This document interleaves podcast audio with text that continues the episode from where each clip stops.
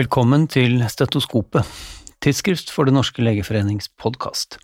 Hver annen uke med Irene Rønnaald og helseaktuelle mennesker i studio, og hver annen uke Redaktørens hjørne, der jeg, Are Brean, sjefredaktør i tidsskriftet, gir deg en høyst subjektiv, ofte litt uhøytidelig gjennomgang av de nyeste forskningsartiklene, sakene og debattene i de største internasjonale generellmedisinske tidsskriftene. I dag begynner vi med en vakker idé det er i hvert fall det Ann Usher kaller Covax-samarbeidet i en såkalt World Report publisert i Lancet denne uken.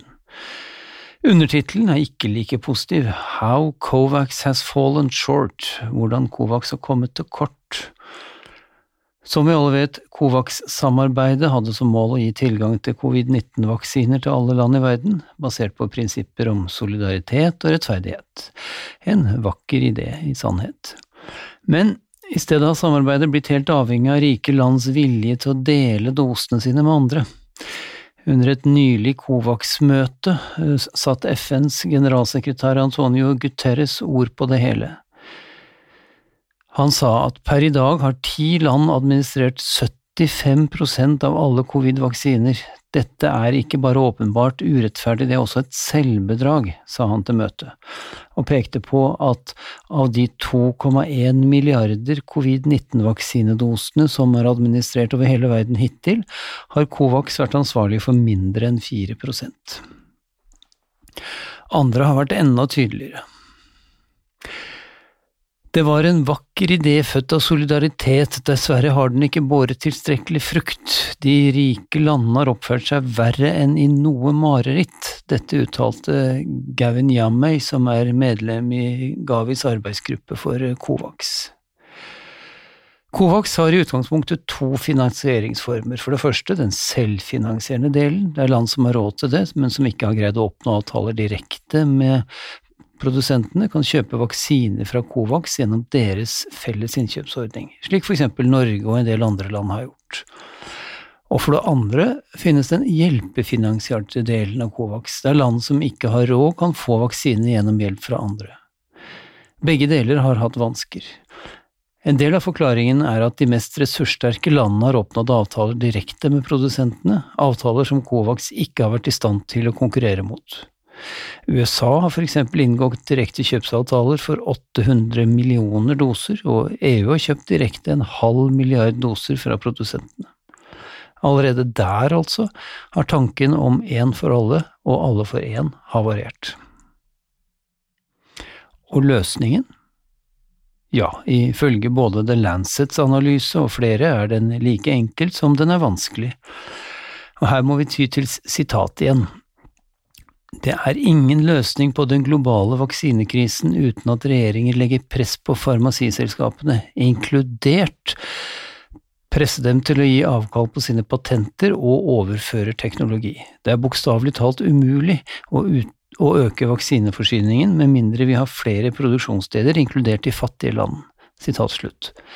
Det uttalte en talsmann for Gavi under konferansen og kravet om at vaksineindustrien må avgi sitt eierskap til både data og patenter, ble for øvrig også reist i en lederartikkel i British Medical Journal nå i slutten av mai. Så får vi se om det økende presset faktisk får gjort noe med dette, mot annet den offisielle norske holdningen. Språk er viktig. Nomenklatur er viktig. De fleste har vel fått med seg at virusvariantene, som tidligere dels hadde navnet til hvor de først ble isolert, som den indiske covid-varianten og den britiske covid-varianten, og dels fikk navn etter hvilke genetiske endringer de hadde, nå har fått nye navn. De har fått navn med utgangspunkt i det greske alfabetet. Bakgrunnen er flerdelt, dels er de geografiske navnene egentlig ganske tilfeldige. Ingen vet jo om den britiske varianten faktisk oppsto i England, det kan være tilfeldig at det var der den ble funnet først. Og dels kan slike geografiske navn være stigmatiserende og i seg selv skape problemer, for eksempel folkelige misforståelser om at indere er skumle fordi man har hørt om den indiske varianten. Dette så vi jo faktisk tydelige eksempler på i pandemiens første fase, hvor mennesker med kinesisk utseende grunnløst ble mistrodd og skydd flere steder i verden. Og dels gir den rent genetiske navnsetningen som noen varianter hadde, også liten mening, fordi det jo er det enkelte virus sine biologiske egenskaper som betyr noe, ikke dens genetiske sekvens per se. Derfor altså har en helt egen komité i eh, Verdens helseorganisasjon brukt seks måneder på å komme opp med den nye nomenklaturen for virusvarianter av SARS-CoV-2, som publisert i Nature Microbiology nå 9. juni, og kommentert i en lederartikkel i Nature samme dag. Nå må dette tas i bruk, skriver Nature. Og det har det sannelig blitt gjort. I løpet av få dager hører vi knapt om annet enn alfa- og delta-varianter, selv i norske aviser og nyhetsmedier. En vellykket revisjon der, altså. Men kanskje bør man gjøre det annerledes neste gang, skriver også Nature. Verdens meteorologforening navnsetter for eksempel uvær over hele verden, eh, og de får egen navn basert på det latinske alfabetet. Dette er ikke tilfeldig, for det greske alfabetet er ikke alltid entydig når det oversettes til andre språk, og enkelte bokstaver i det greske alfabetet, som eta og teta, høres ganske like ut og forveksles lett. Så kanskje vi ved neste revisjon får virusvariantnavn som Per og Kari, eller Omar og Mohammed for den del.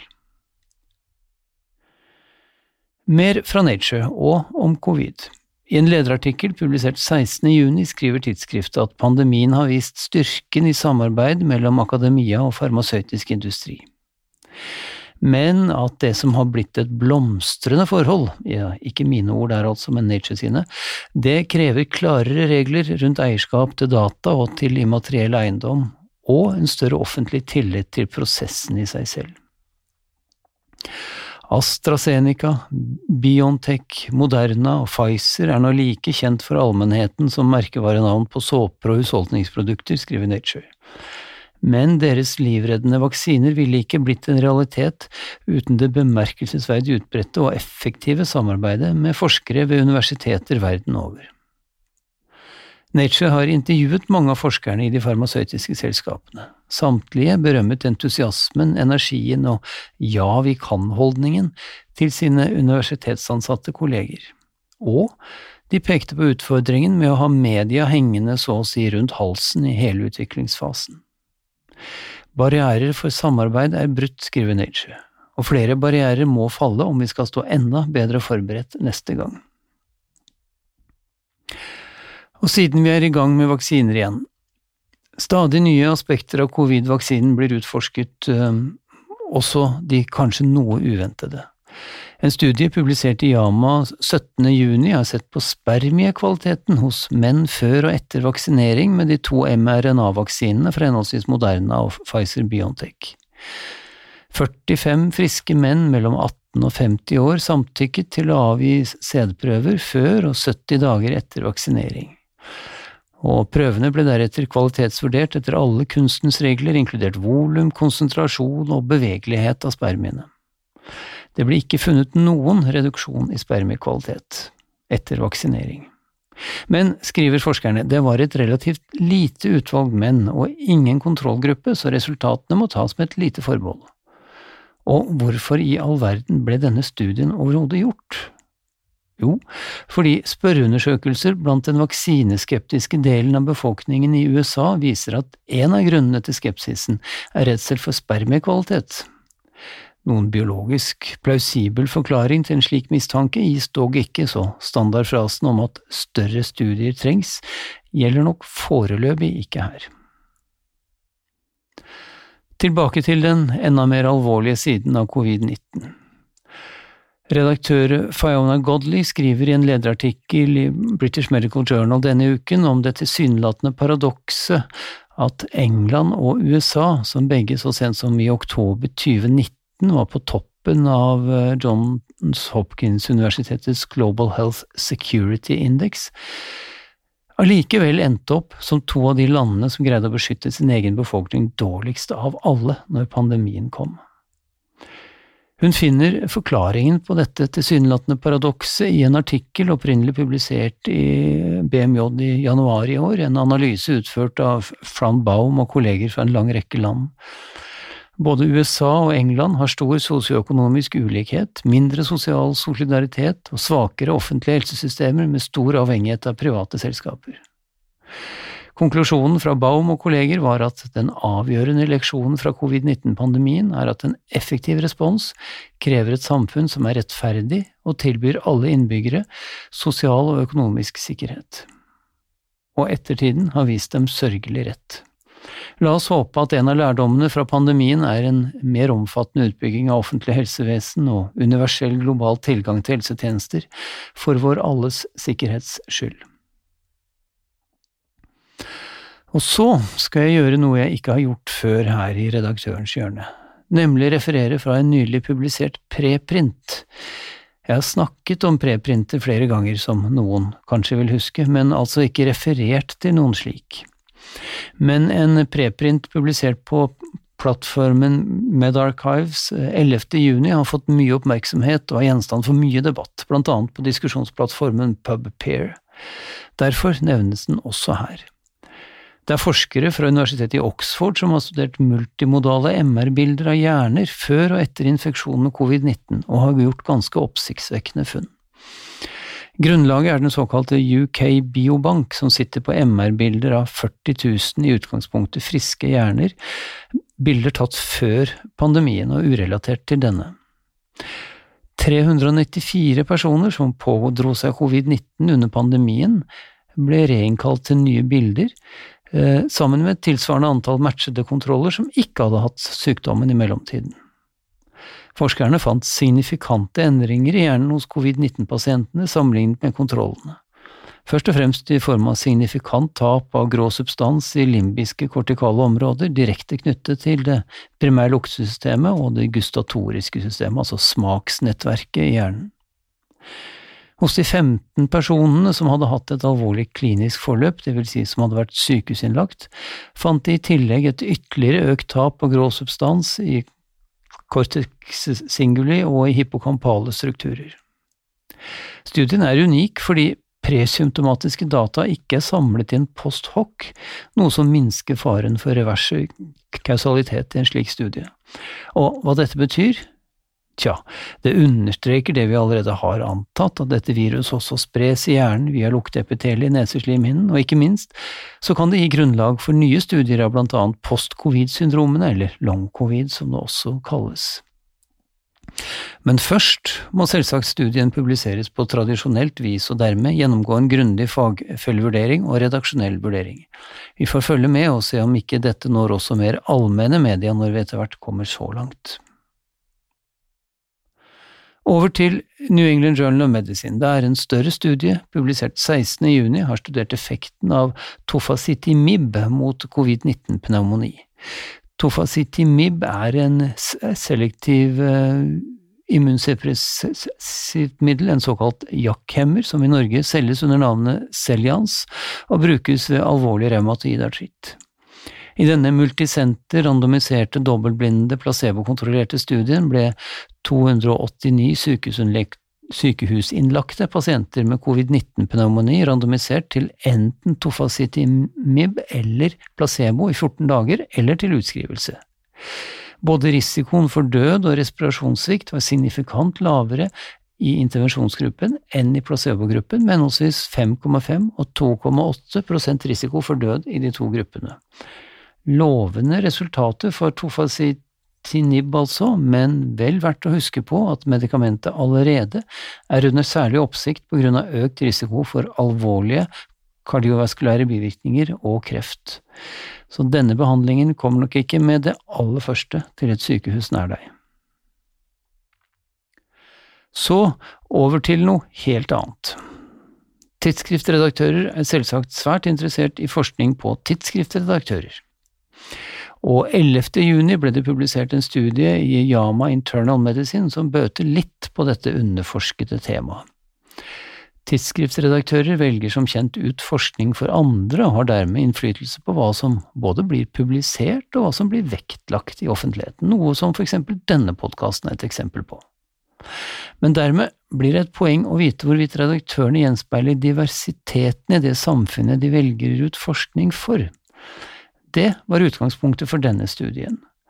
25 innflytelsesrike medisinske og vitenskapelige tidsskrifter, alle med en impactfaktor på over 10, ble valgt ut. Til sammen 368 redaktører fra de 25 tidsskriftene deltok. Ut fra dette er den typiske tidsskriftredaktør mann, som 50,8% var, hvit, som 77,2% var, og heterofil, som 88,3% var. Kjønnsfordelingen er altså omtrent som i resten av samfunnet, det samme er seksuell orientering, sånn omtrentlig, mens samtlige andre etnisiteter enn hvit til dels er grovt underrepresentert, særlig sammenlignet med fordelingen i USA, der 17 av de 25 tidsskriftene er basert. Til sist i dag til kontroversene omkring godkjenningen av det første nye medikamentet mot Alzheimers sykdom på 18 år, nemlig aducanumab, som selges under handelsnavnet Aduhelm. Aducanumab er et humant monoklonalt antistoff som binder beta-amyloid, som er proteinet som danner amyloide plakk i hjernen hos pasienter med Alzheimers sykdom. Behandlingen er dermed rettet mot den underliggende sykdommen istedenfor symptomene, er teorien og det høres jo plausibelt ut. Eh, men det gjør den til en kostnad av nærmere 60 000 dollar i året, og markedet er stort. Omtrent 35 millioner mennesker lever i dag med Alzheimers sykdom i verden, og forekomsten, særlig i en aldrende vestlig befolkning, er økende, så markedet er stort. 7. juni godkjente Food and Drug Administration, FDA, eller det amerikanske legemiddelverket, altså, legemiddelet. Det er noe av det mest kontroversielle avgjørelsen de har fattet, påstås det i en artikkel i Annals of Internal Medicine denne uken. For dokumentasjonen for effekt er mildest talt sparsom, så sparsom at avgjørelsen har fått tre fremtridende medlemmer av FDAs egen rådgivende kommunitet til å trekke seg i ren protest. En av dem skriver sågar, dette ifølge British Medical Journal, at avgjørelsen sannsynligvis er den verste medikamentgodkjennelsen i moderne historie, og det sier jo som kjent ikke så rent lite. Vi har ikke tid eller plass til å gå inn på selve grunnlagsdataene her, men bare slå fast at dette også handler om den etter hvert meget omstridte amyloidohypotesen bak Alzheimer-sykdom. Les gjerne den interessante artikkelen i Nature som det er lenket til i litteraturlisten til dagens episode, for en mer detaljert omtale av det som kan seile opp til å bli nok en medikamentskandale allerede før det har begynt. Den europeiske legemiddelmyndigheten EMA er fortsatt i tenkeboksen med sin godkjenningssøknad, og her i Norge er medikamentet allerede foreslått til vurdering i Beslutningsforum for nye metoder. Dette kommer vi til å høre mer om. Følg med, følg med. Og om du orker mer Tidsskrift Nytt fra en hvit, middelaldrende mannlig sjefredaktør, så høres vi neste gang.